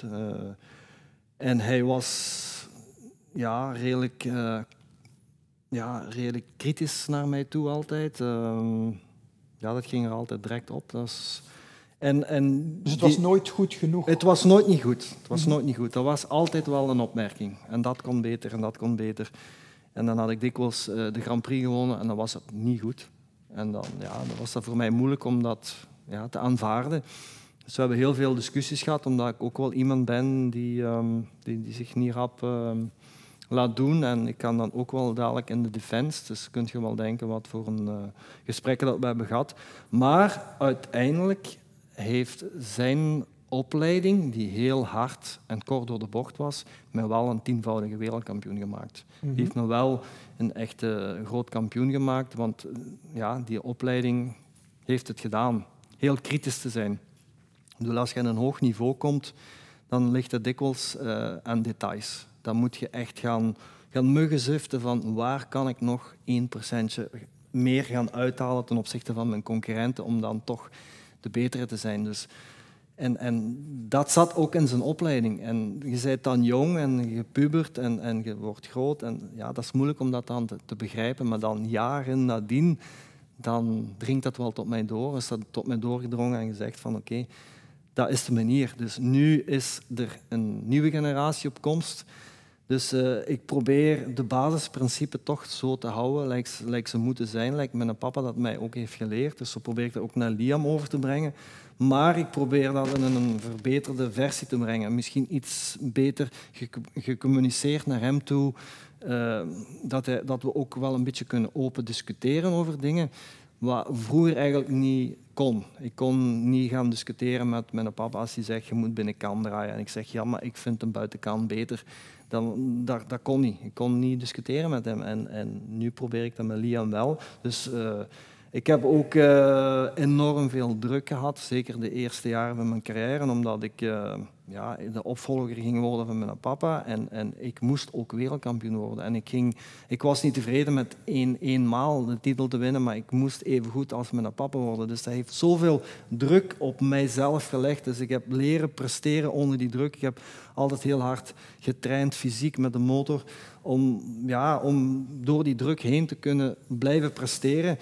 En eigenlijk van toen ik hem heb geëvenaard, ben ik eigenlijk beginnen te relaxen en dan ben ik eigenlijk maar beter geworden. Dus eigenlijk mijn laatste jaren dat ik uh, van mijn carrière ben ik pas op mijn beste gaan presteren. En ja, ze hebben ook geen kans meer gehad. Ik heb ook eh, de laatste zes jaar de titel gewonnen. Uh, omwille dat ik echt relaxed was. En dat is nu iets wat ik Liam wil aanleren, omdat ik hetzelfde zie bij Liam, die ook zo die druk op zijn eigen legt. Die, hij, die, die let op zijn voeding, die, die s'morgens gaat hij om negen uur aan het lopen, die, die doet zijn krachttraining. Ik, bedoel, ik moet, die, ik moet daar niet gaan lang staan. Die is zo gedreven, die is zo gemotiveerd. Maar dan langs de ene kant ook weer die druk, waardoor hij dikwijls minder goed presteert. En ik zie dat. Ik zie dat, dat hij door de week beter rijdt dan aan de weekends. Dus, dus we zijn nu al uh, een kleine twee jaar met een sportpsycholoog bezig, eh, Rudy Heijlen die met heel veel uh, atleten werkt, uh, alle, alle verschillende soorten sporten. Dus omwille van die druk van hem zo snel mogelijk af te halen, dat hij echt zijn ding kan doen op de motor en, en, en zich amuseren. Want daar draait het eigenlijk om. Je moet die fun factor moet er blijven inzitten. Want als die er niet meer in zit, dan, ja, dan verlies je de motivatie en ambitie en ja, alles. Dus mhm. heel moeilijk. Heel moeilijk om weer die balans te vinden. Hè. Ja. En dat komt altijd maar terug, de juiste balans vinden. En zeker als sportman nog, nog, nog zeker zoveel, omdat je moet heel veel trainen. Maar ja, je moet juist trainen, niet te veel, niet te min. Uh, ja, je moet de juiste uren slapen, je moet uh, genoeg voeding binnenkrijgen. Ja, dat is hele begeleiding, dus ja. dat is heel wat. En bij iedere persoon ligt dat anders. Iedereen, iedere persoon moet daar voor zijn eigen gaan, gaan uitzoeken van wat werkt voor hem het beste. Mm -hmm. Ik pols de hele week bij, bij al mijn gasten naar wie hun mentor is geweest. Naar wie hebben ze opgekeken, van wie hebben ze heel veel geleerd. Ik ga het rijtje weer af. Stefan? Ja, bij mij is dat mijn papa geweest. Ik bedoel, Voor mij uh, hij is altijd mijn idool geweest. En ik wou en ik zou even goed als hem worden. En dat zat er al in van kinds af aan. Ik ging naar het eerste studiejaar en dat was tegen de juffrouw, ja, maar ik moet niet leren, ik word motocrosser, ik word wereldkampioen. Dat, dat zat er gewoon van, van, van mijn geboorte in. En, en dat was... Dat, mensen die, die hun, hun missie niet kennen in het leven of niet weten wat voor hun, waar ze goed in zijn, dat, dat, is, dat is erg. Ik heb dat nooit niet gehad. Ik heb nooit geen seconde getwijfeld van dat wordt het en, en ik ben dat ook geworden. Mhm. En dat is een heel groot voordeel wat ik heb gehad voor, voor mijn leven eigenlijk. En, en waar andere kinderen, mensen die dan sukkelen en, en ja, die problemen hebben, maar die weten niet wat een missie is, wat, waar ze goed in zijn. En ja, dus het leven begint van dag één, is de ontdekking van waar ben ik goed in en waar kan ik uh, ja, uitblinken. Ja. Wie is dat bij u? Ja, ik vind dat een heel moeilijke vraag. Ik denk uh, dat er zo niet iemand is die ik echt denk van dat is nu mijn mentor geweest of mijn grote voorbeeld of idool of zo. Um, misschien ben ik een beetje een kind van mijn tijd in die zin dat als ik nu denk van wie inspireert mij of wat inspireert mij, is dat heel vaak eigenlijk... Um, ik zit op, op sociale media en podcasts en kijk ik eigenlijk naar mensen wie inspireert mij op welk vlak. Ik kan een lieve Blankaart volgen omdat ik dan een geweldige fotograaf en reportagemaakster vind. Um, ik kan politici volgen omdat ik die ongelooflijk goed en gedreven vind maatschappelijk. Ik kan uh, iemand als Esther Perel volgen omdat hij heel veel over relaties kan vertellen. Eigenlijk is dat heel gefragmenteerd en probeer ik zo ook um, met sociale media om te gaan. Dus niet om te denken, wow, ik zie hier ongelooflijk veel mensen en ik het perfecte leven en, en zo, zo die dingen probeer ik te vermijden. Maar wel als een soort inspiratiebron van heel veel verschillende mensen eigenlijk uh, die op hun vakgebied uitblinken en waarvan ik denk, wow, als ik daar iets van kan leren of van kan meepikken, dan, dan uh, ben, ja, ben ik heel blij. Ja. ja. Stefan, ik ga u even op een figuurlijk podium zetten, een erepodium zetten. Uh, tien keer wereldkampioen, dat is een unieke prestatie. 101 Grand Prix gewonnen. Vijf keer sportman van het jaar. Er is alleen een zekere Merks die eentje beter doet. Dat was ook geen slecht in zijn tijd. Ja. Ja, misschien moet je toch... Ken je niet. Nee. Uh, maar ehm, hoe ging u met tijd om tijdens het actieve motocrossleven? Had u dan het gevoel, ik word geleefd? Hè, want je moet op een bepaald moment op een bepaalde plek zijn en daar presteren in dat ene tijdsframe van, hoe lang was het, drie kwartier of zo? Drie kwartiers, ja. Ja. Twee Of- keren dan. Wat is dat? Twee keren, hè. Ja, ja, ja. ja. Of had u toch het gevoel, een gevoel van vrijheid? Eh, U zei er straks al van, eh, na die vierde wereldtitel ben ik beginnen relaxen en daardoor ook weer beter presteren. Maar hoe ging dat in het algemeen? Ja, weet je, als je jong bent, dan kan de tijd niet snel genoeg gaan. Hè. Als je ouder wordt, dan, eh, dan gaat de tijd veel te vlug. Ja. En ik zeg nu altijd, we gaan snel onder de grond liggen. Mhm. Dat klinkt heel hard, maar eh, de jaren vliegen gewoon voorbij. Corona of geen corona, lockdown of geen lockdown. Ik vind gewoon, een jaar geleden was mijn zoon 16 jaar, die is nu ondertussen weer 17. Maar binnen dit en wordt hij alweer 18. Dus ik vind, eh, we razen door het leven. En, en wat is stilstaan? Ja, ze zeggen, je moet meer bij het leven stilstaan. Eh, dat, dat probeer ik, maar ik heb nog altijd niet die truc gevonden hoe ik dat kan uitvergroten om nog meer stil te staan bij de goede momenten in het leven die we ja, meemaken. Dus dat is een hele moeilijke. Maar eh, ja, Maar heeft een topsportman ooit de tijd om te genieten van wat hij op dat ik heb dat moment beleeft? geprobeerd. Ik heb dat geprobeerd.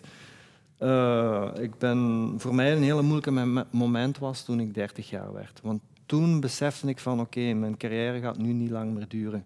En ik wou dat die eeuwig bleef duren. Want ik ben op mijn 34ste gestopt. Maar ik had nog zoveel zin om te trainen. Ik had nog zoveel zin om met die motor te rijden. Ik had nog zoveel zin om te reizen. Maar dat was toch een bepaalde eh, mentale moeheid die ik had. En die heeft me toch beslist om, dan stop ik. Met tien titels of zonder tien titels. Eh, het zijn er uiteindelijk tien geworden, maar ik ben ook gestopt. En zo ben ik ook. Ik ben echt zwart-wit. Ik beslis iets vandaag en daar kom ik ook niet meer op terug. Maar ik kan ook wel heel lang over dingen twijfelen. Dat ik gewoon niet weet. Naar een restaurant gaan, ik moet daar iets kiezen voor te eten. Dan is dat meestal van bestel maar, want ik weet het toch niet. En dan moet ik te heel snel iets kiezen en dan heb ik iets. Maar soms kan ik niet beslissen, maar soms weet ik het zo goed en soms weet ik het niet. Ehm, tijdens de Olympische Spelen, die, die ondertussen voorbij zijn, ehm, is er een, een probleem geweest met Simone Biles, eh, Amerikaanse turnster, de beste turnster aller tijden, wordt gezegd. Uh, maar zij haakte af omwille van mentale problemen. Kunt u zich daar iets bij voorstellen? Ja en nee. Ik, ik, ik denk dat ze die problemen al voor de Olympische Spelen had. En ik ben dan toch zo'n beetje van de mening van... Dat had je eigenlijk ook al voor de Olympische Spelen kunnen beslissen van... Dit gaat me te ver. Je weet wat voor een druk dat op je afkomt als je Olympische Spelen moet gaan, gaan, gaan, doen. Uh, die zijn enorm extreem hoog. En zeker voor turnen, want die hebben maar zoveel seconden waar ze zoveel jaren voor moeten trainen. En dat vind ik zo schitterend aan Nina de Waal. Ze staat er gewoon voor die 20 seconden dat zij oefening. Dus ze staat er gewoon en alles staat op haar. En, en dat is gewoon geweldig. En, en, hoe ze er ook mee omgaat. Maar dan, ja, het, de, het geval uh, ja dat zij daar breekt omdat zij een aantal oefeningen, het zal, het zal al langer in haar systeem zitten. Maar dan vind ik het gewoon jammer dat ze dan toch één plaats wegneemt van een andere atlete die daar misschien wel had kunnen staan dan. Denk ik dan. Dat is zo'n beetje mijn, mijn mening. Want het is niet iets wat daar ter plaatse is gebeurd van uh, ik, ik ga hier in één keer mee stoppen. Dat maar is, ze heeft wellicht gepoogd om het toch te doen en op het moment zelf is er ja. iets gebroken. Dat kan, dat kan natuurlijk ook wel ja, ik, ik, kan, ik kan dat... Ja, voor mij is dat een hele moeilijke. Als je zo'n kampioen bent, en gaat dan een Olympische Spelen en dan op die moment breek je... Ja, ik, kan, ik snap dat niet. Ik, kan, ik snap dat niet. Mm -hmm. um, daar ben ik te hard in. Om dat te kunnen begrijpen. Dat zou bij mij niet bestaan. Ik bedoel, het zou nooit niet bij mij gebeurd zijn. Maar had u zelf een, een manier om om te gaan met de druk die er toch elke Grand Prix was? Ik heb, uh, ik heb nooit met een sportpsycholoog gewerkt, maar ik heb door de jaren heen toch wel bepaalde trucken voor mijzelf uh, gevonden om mij mentaal uh, sterk te maken. En dat is ten eerste uh, een beetje af te zonderen van mijn concurrenten en, en Je moest er ook niks meer van weten wat dat ze doen, want dat kan toch altijd iets of wat invloed op u hebben. Zo was al één ding, maar ik, ik, ik aanschouwde mijn hoofd, mijn, mijn mentale weerbaarheid als een dikke steen. En van het moment dat er twijfels kwamen of er kwam iets op mij af, dan dacht ik gewoon in die steen altijd. Ik ben een steen en een steen krijg je niet kapot. Die breekt je niet. En dat breekt ook niet. Mhm. En zo had ik verschillende plaatjes in mijn hoofd voor elk zwak punt wat op mij afkwam. En dan maakte ik mij weer sterk. Ik had zo mijn, mijn, mijn dingen uh, van... Oké, okay, mijn hand was, was ook zo een, een voorbereiding van... Oké, okay, mijn fysieke trainingen oké, okay, mijn motortrainingen oké, mijn, uh, mijn lijn op het circuit oké, mijn starts zijn oké, mijn team is goed, mijn entourage is goed. Ik bedoel, dat zijn allemaal dingen die ik voor mijn eigen kon afvinken, waar ik geen twijfels moest hebben voor mijn paraatheid. En Mhm. dan komt het eigenlijk op het mentale. En dat was de handpalm. En als die steen goed op zijn plaats zat, kon je de vuist maken. En dat was de vuist die ik nodig had voor op het podium te staan. Te zeggen, I'm the best. Dus dat was voor mij twijfelgevallen, die, die, die, waren er, die kwamen er niet meer. Omdat ik gewoon mijn, mijn dingen had uitgedokterd van, zo bereid ik mij voor. En dat is gewoon mentale training. Mhm. Maar je moet je trucken zelf vinden en die voor u het beste werken. De naam Dutroux is al gevallen, inderdaad. Uh, vrijdag, denk ik, is het 25 jaar geleden dat hij gearresteerd werd. Er kwam heel veel naar boven. Um, u heeft nog altijd uw praktijk. U bent ook nog verantwoordelijk voor het uh, Vertrouwenscentrum Kindermisbruik Vlaams-Brabant. Dat klopt niet Nee, nee, nee, daar ben ik opgevolgd. Ah ja, maar u bent, u bent dat heel lang geweest. Ja, 30 jaar. Um, ik las ergens, bij heel veel dingen die ik uh, gelezen heb, dat op het moment dat dat centrum begon, dat er zo één melding was om de twee dagen. En een paar jaar geleden waren dat er vier à vijf per dag. Per centrum. Is Er zijn dat, er zes in Vlaanderen. is dat dan erger geworden of was het vroeger verborgen? Absoluut. Het, uh, we, zijn, we, zijn, gewoon heel sterk in het verstoppen van geweld. Mm -hmm. En daarna in het ontkennen ervan. Hè. Um, en ik denk, het heeft, het heeft zeker ook met onze Vlaamse slag te maken. Hè.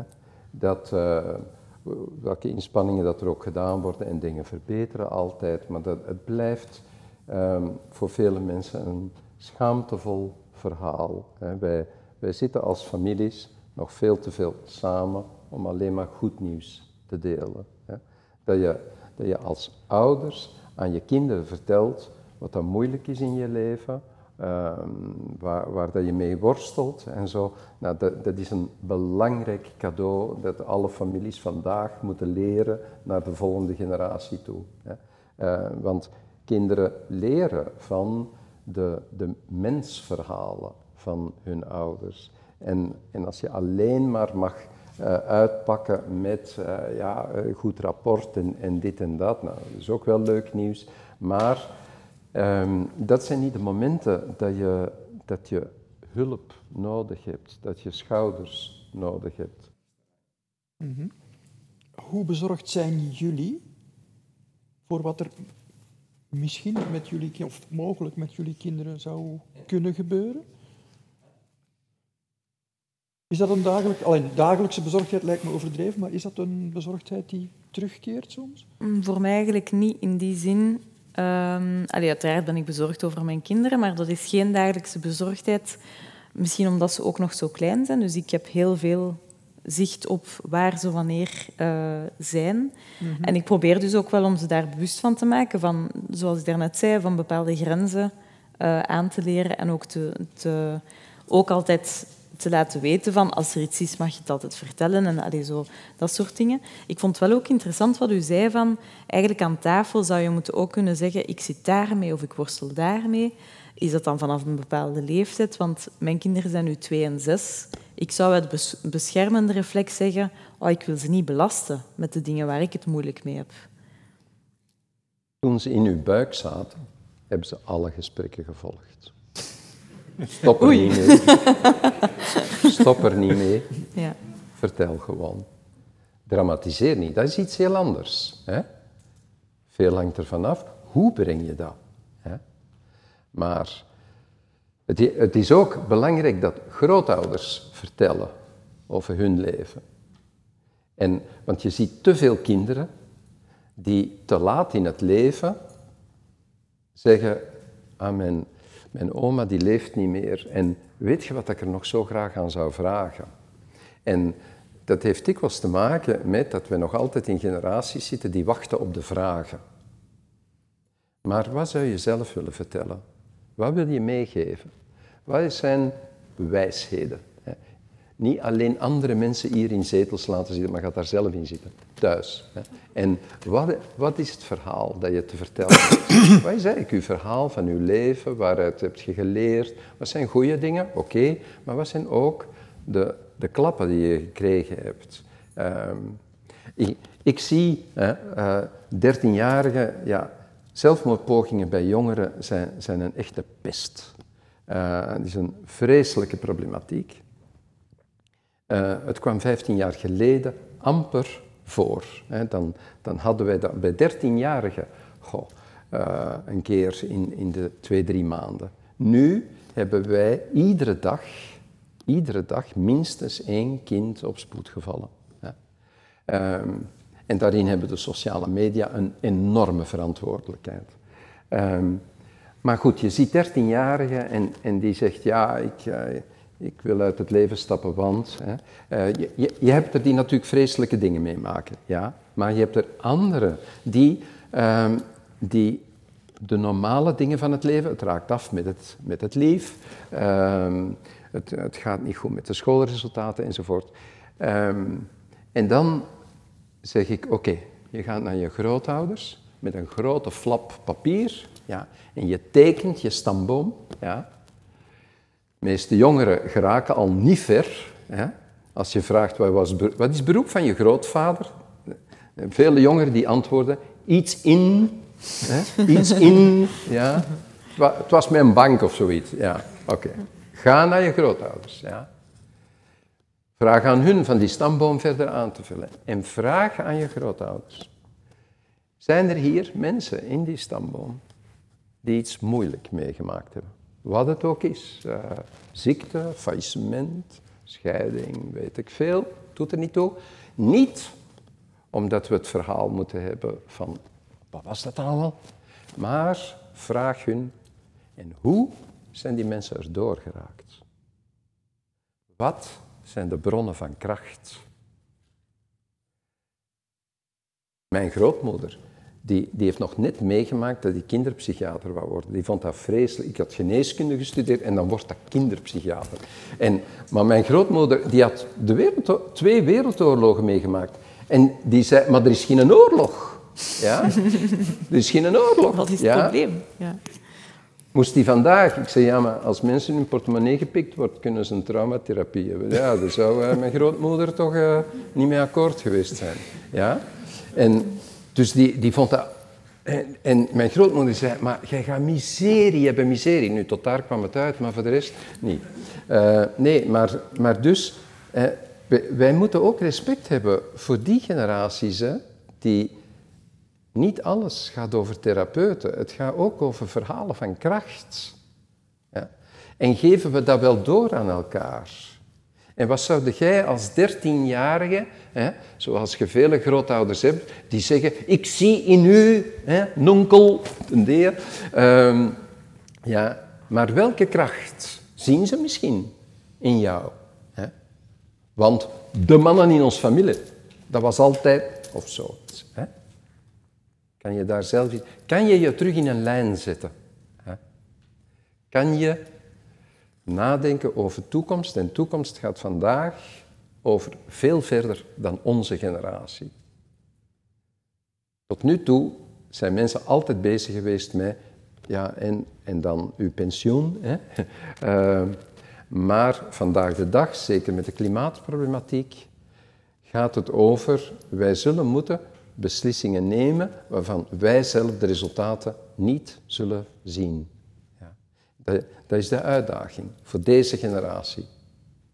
Van te durven spreken over 2050 en ons daar vandaag voor te willen inzetten. En dat is iets wat jongeren van vandaag nodig hebben, omdat jongeren zien dat eigenlijk het het onmiddellijke perspectief is pessimistisch. Uh, gaat, gaat, ons dat nog wel lukken en gaat iedereen wel, gaan al die landen wel meedoen en, enzovoort enzovoort. Maar als we dat over dat kortdurende perspectief leven, dat veel te veel ons leven bepaalt. Een regering vandaag denkt ook blijkbaar alleen maar aan wat kan ik realiseren binnen die vier jaar en dan daarna, we zullen wel zien wie dan wint. Terwijl dat beleid nodig is dat mensen terug in een perspectief zet van opeenvolgende gemeenschappen. Het gaat niet alleen over deze generatie. Het gaat over binnen twee, drie generaties. En dat je als jongere daaraan kan meewerken, is opnieuw zuurstof voor, voor je eigen levensverhaal. Mhm. Ik zou het zo dadelijk ook nog even over die klimaatproblematiek willen hebben. We gaan die hier niet oplossen op een kwartiertje of zo. We kunnen een poging doen. Uh, maar er is ook een, een, vraag die elke dag terugkeert en die is in welk tijdperk had u graag geleefd? En dat kan perfect hier en nu, zoals het geweest is, zijn, of in de toekomst of in een heel ver verleden. Stefan? In zoveel mogelijk, voor mij toch. ja, ik zou ze allemaal willen meemaken eigenlijk. Oké. Okay. Uh, ja, ik kan er niet direct zo één uithalen, maar ja, jaren 60 uh, zou ik al direct willen teruggaan. Uh, toen de motocross nog heel groot was in ons land. Ja. Uh, maar ik zou ook teruggaan naar 1700, naar 1500, naar, naar 1300, naar, naar de oermens. Dat interesseert me allemaal. Ja, die motocross, daar wil ik meteen op inpikken. Wij hebben Joël Robert gekend, André Malherbe, Roger de Koster, Harry Everts, uh, Sylvain Geboers, Erik Geboers, uzelf, noem ze allemaal maar op. Allemaal wereldkampioenen. Waarom hebben wij nu geen wereldkampioenen meer? Ja, ja de, de mensen kunnen niks meer verdragen. Hè. Er is zoveel veranderd hier. Ik bedoel, wij zijn een uh, vervuilende sport. We maken lawaai, we maken herrie, we maken stof. Uh, U bedoelt dat er geen circuits mogen nee, komen? Ja, Nee, de mensen kunnen niks meer verdragen op dat vlak. Ze, ze zijn wel allemaal uh, pro-motocross, maar niet in mijn achtertuin. En de politiek, ja, die, uh, daar hebben we sowieso geen steun van. de mensen van het Groen die doen hun job heel goed. Die hebben te veel macht. En ja, wij, wij zijn een, een organisatie die, die niet voorbereid was. Ik geef uh, de mensen van de federatie toch een groot deels de schuld. Als we dan teruggaan naar de jaren 70, toen de motocross echt bloeide, uh, toen hadden ze eigenlijk de fundering moeten leggen om nu nog de sport een leven te, hebben of te houden. En waarom hebben we geen kampioenen meer? Ja, om, ja, we hebben geen circuits meer. Je moet kwantiteit hebben om, om kwaliteit te hebben om er, uh, ja, er zijn maar enkele die, die weggelegd zijn om wereldkampioen te worden.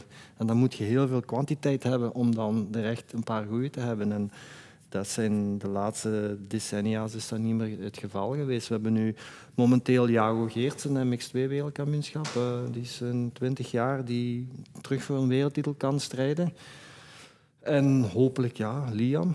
Maar uh, voor de verdere toekomst zie ik het uh, heel slecht in. Wordt ook niet meer live uitgezonden op televisie? Nee, maar dat is ook omdat we geen kampioenen meer hebben ja, momenteel. Dus, ja, dat is wel een beetje logisch.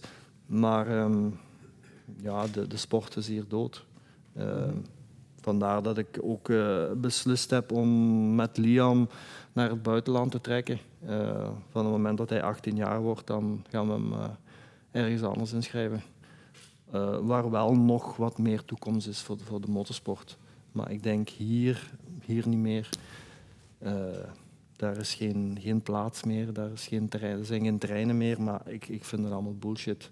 Mm -hmm. Ik bedoel, voor de voetbal kunnen ze wel uh, terreinen maken. Er zijn overal zwembaden. Er zijn, ja, maar een wil is een weg, maar hier is geen wil meer.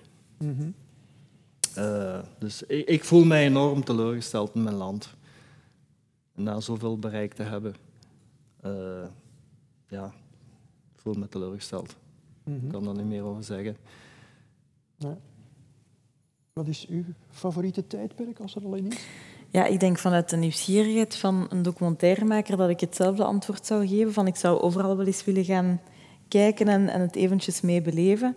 Maar als ik er echt een antwoord op zou moeten geven, dan denk ik ja, als vrouw is het nog maar 60 jaar dat we hier anticonceptie hebben. Dus concreet, in eender welk tijdperk ik zou geleefd hebben, zou ik vijf à tien kinderen hebben en gestorven zijn in het kramet, waarschijnlijk. Absoluut. dus dan denk ik, uh, dan leef ik nu eigenlijk wel heel erg in een tijd waarin ik mij goed voel, waarin ik mogelijkheden heb om, zowel als ik dat wil, kinderen te krijgen, als ook nog een heel aantal dingen daarbuiten te doen. Mm -hmm. Dus nuchter en realistisch bekeken, denk ik dat ik heel blij ben dat ik leef wanneer ik leef. Oké, okay. ja. en u? Ja, voor mij ook zonder twijfel deze tijd. Hè. Ik denk dat het de beste tijd is in dit land. Um, er is nog veel te realiseren, maar toch, er is, er is ook veel bereikt. En, en ik denk dat het ook een echte opdracht is van te leren je eigen leven te leiden en niet uh, het leven van anderen. Hè. Um, ik, uh, ik had ook een vader die mij arts wou. Uh, ik wijs van vader en zoon. Um, ja, ik vind, het is een beetje een Vlaamse ziekte, vind ik.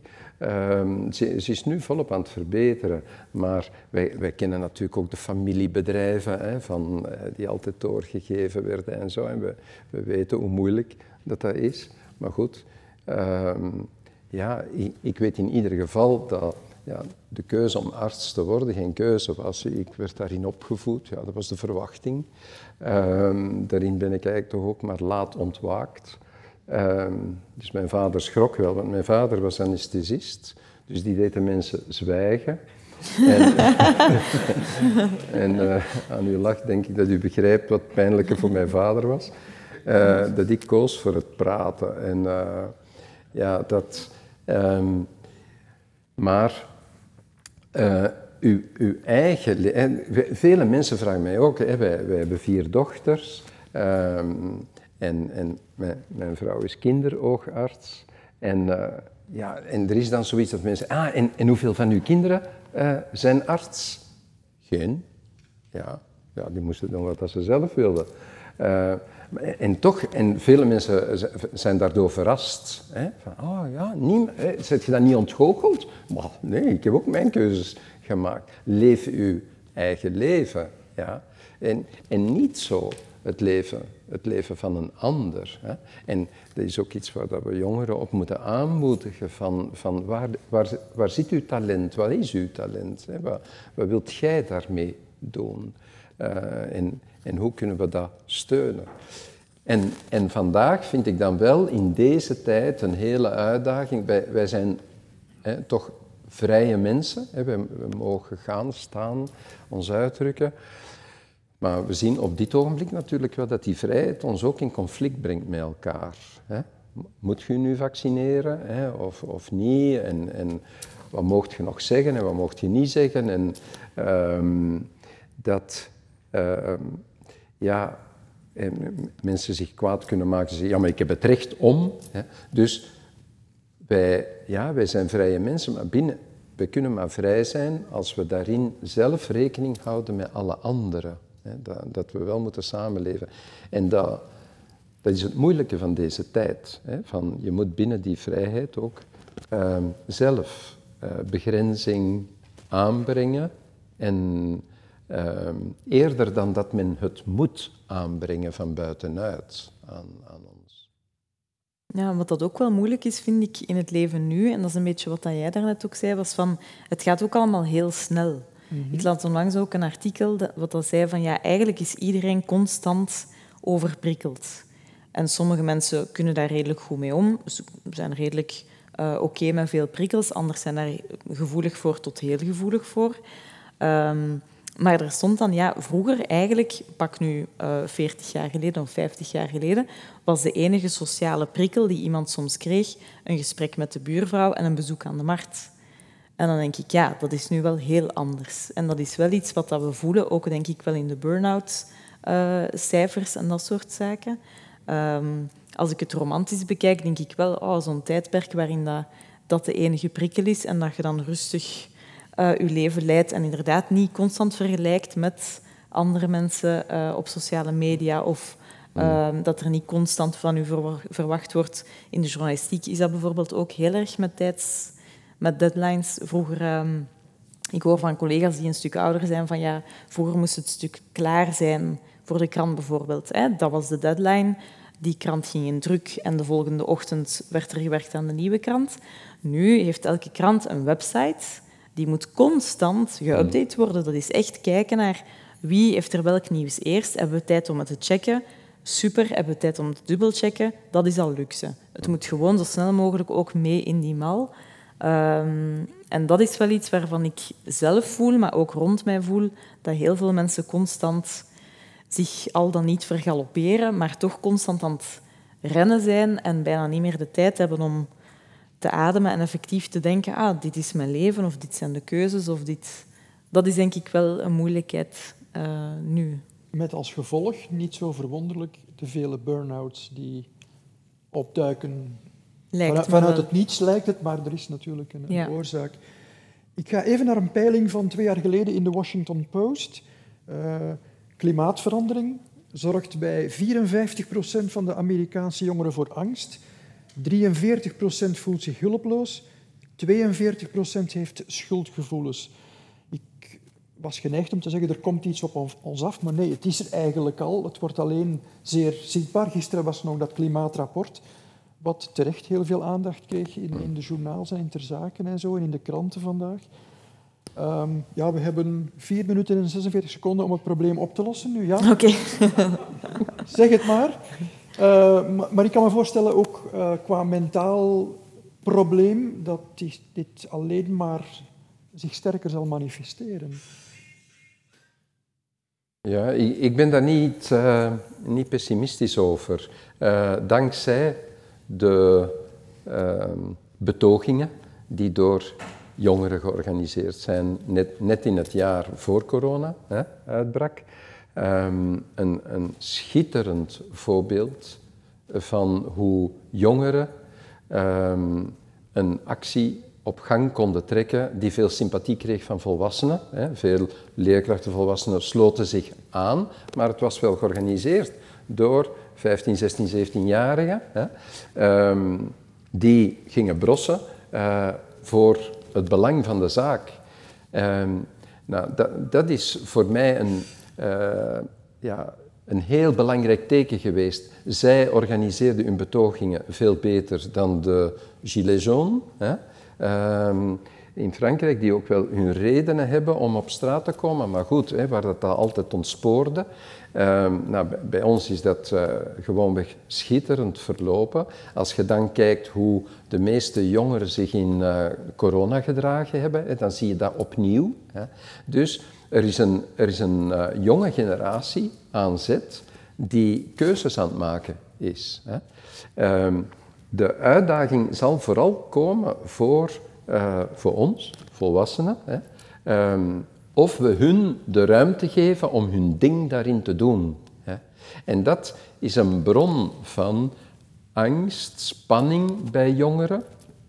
Uh, dat aan de ene kant het financiële gewicht in de samenleving gedragen wordt door die oudere groep, hè, uh, die, die de middelen uh, daarvoor heeft, en die van een aantal gewoontes gaat moeten afstappen. Nu, ik denk of ik hoop, dat de lockdowns enzovoorts hè, hebben iedereen geconfronteerd met het probleem.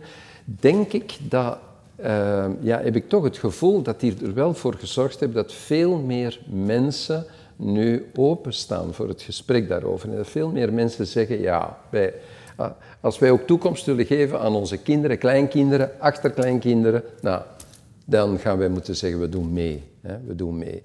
Um, dus ja, zo, zoals vaak heb je een schoktherapie nodig om zoiets in gang te zetten. En ja, ik, ik durf daar toch wel hoopvol in zijn. Dus voorzichtig optimisme, zou ik dat willen noemen. Hoe zit dat bij jullie? Twee generaties verschillend? Um, ja, ik denk, ik heb het rapport ook, ook uh, of in de krant ook erover gelezen. En ik vond het ook dubbel, want ja, sowieso, die opwarming van anderhalve graad, daar kunnen we al niet meer onderuit, ongeacht wat dat we nu nog doen. Um, dat zal al heel veel impact hebben. Maar ik vond het wel ook goed om te lezen dat ze zeiden, eigenlijk zijn we wel optimistisch voor wat er daarna mogelijk is. Wetenschappelijk gezien, technologisch gezien, uh, economisch gezien, weten we eigenlijk wat we moeten doen om het daartoe te beperken. Maar het is in het beleid dat er keuzes moeten gemaakt worden om dat ook effectief te stimuleren. Je kunt niet van mensen verwachten... Ik ben nu met de trein bijvoorbeeld gekomen vanuit Mechelen naar Tongeren. Als ik ook nog eens terug ga, kost me dat 30 euro. Je kunt niet verwachten van mensen dat ze massaal het openbaar vervoer beginnen nemen, massaal de fiets beginnen nemen als er een gevaarlijk fietspadje is ergens. Dat moet ook echt ondersteund worden door beleid. Um, dus ik hoop dat er inderdaad dat shock-effect geweest is en uh, dat er dus ook politiek gezien de moed is om die keuzes te maken. Mm -hmm. Stefan? Ja, ik, ik, vind, ik heb uh, overlaatst nog een, uh, een reportage gezien op Canvas van Ghana. En dan denk ik van, ja, wat wij hier allemaal proberen te doen, uh, hè, voor de klimaatopwarming, maar dan in Afrika, dat, dat, doen ze maar op. Ik bedoel, alle oude auto's sturen ze allemaal naar ginder. Alle laptops, alle computers sturen ze naar ginder. Daar gaan ze de kabels, eh, de koper eruit halen, dan gaan ze eruit stoken. Al die giftige gassen die vrijkomen, dat is er ene puin op. Dan denk ik van oké, wij moeten hier zo opdraaien voor alles. Maar in Afrika doen ze niks. Ik bedoel, er zullen nog meerdere landen zijn waar... Uh, maar het is, het is, een wereldprobleem eigenlijk. Dus ik vind dat, dat alle landen op deze planeet moeten meewerken daaraan. Maar dat is niet zo niet. En maar wij krijgen wel heel veel van de druk op ons. Met, met wij bedoel je Europa, Westerlingen? Ja, ja. Westerlingen, ja. Mm -hmm. En ja, daar heb ik het moeilijk mee. Mm -hmm. Nu, wat we moeten doen, moeten we doen. En ik, ik vind, ja, we moeten, we moeten door. Maar um, veel dingen worden dan ook wel een beetje overdreven, volgens mij gedacht. Ik bedoel, we hebben altijd natuurrampen gehad. We hebben de branden in Griekenland, uh, we hebben de overstromingen, die hebben we vroeger ook gehad. En nu, komt dat, nu, nu, nu is er een jaar dat er heel veel samenkomt. Uh, maar er zijn jaren geweest dat, dat er minder waren. Er zijn ook nog altijd orkanen. Ik bedoel, die zijn er altijd geweest. Dus... Maar het is met dat samenkomen dat natuurlijk duidt op. Ja, nu in één keer wordt dat uitvergroot allemaal. Mm -hmm. En die cijfers die zullen wel kloppen. En, en, en we moeten iets doen, we moeten iets ondernemen. Sowieso. Uh, maar om daar weer de juiste balans weer in te vinden, is, uh, is -hmm. niet zo gemakkelijk. Maar... maar ik denk inderdaad, dat als er een klimaatrapport is, dat was denk ik op 14.000 uh, papers gestoeld van wetenschappers internationaal. Daaruit blijkt echt van, het is nu de moment, er is een enorme menselijke impact uh, op het ja, klimaat. we moeten er allemaal aan werken. Ja, absoluut. En niet in een deel van, van de bevolking die er zich voor moet inzetten en ervoor moet betalen eigenlijk. Want uiteindelijk is het toch maar de mens die ervoor moet betalen. Maar toon belang van het gesprek daarover. Hè, dat we doorheen de generaties uh, want, want, natuurlijk een van onze problemen is dat, dat wij vooral praten met, met onze omgeving, die heel vaak natuurlijk een beetje dezelfde mening deelt. Hè? Uh, waardoor dat je natuurlijk allemaal groepen blijft, hè? want het zijn wij wel die al onze afval richting Afrika sturen. Hè. Uh, en, en, dat we het niet zelf oplossen. Maar goed, je, je hebt daar de communicatie over nodig. Hè. En dus dat samenzetten van, van burgers, uh, door, doorheen de generaties, doorheen de groepen, uh, is zo belangrijk geworden om, om met z'n allen vooruit te gaan. Hè. Want anders riskeren we natuurlijk toch iedere keer in zoveel splintergroepjes te geraken. De ene wil snel vooruit, de ander wil hè, wat vooruit, de ander wil niet vooruit, enzovoort. Uh, ja, dan, dan eindigt het natuurlijk heel vaak in, in, in nutteloze trajecten. -hmm. Ik verwijs al even naar morgen. Morgenmiddag ontvangen we Hans Schijbels, theoloog, voormalig woordvoerder van kardinaal Daniels. We ontvangen Roger Liebaert, dat is mijn oudste gast tot nog toe. De man is 90 um, is in het nieuws gekomen met een noodkreet van hoe wij als samenleving omgingen met de senioren, in, in de woonzorgcentra met name. En ik ontvang ook Caroline Vermeer, illustratrice, en u zult haar misschien kennen van haar tekeningen in De Morgen bij de wekelijkse brief van Joël de Keulaar. Voor vandaag dank ik, en u mag straks opnieuw applaudisseren, Peter Adriaanses, Sophie Peters en Stefan Everts. Dank u wel.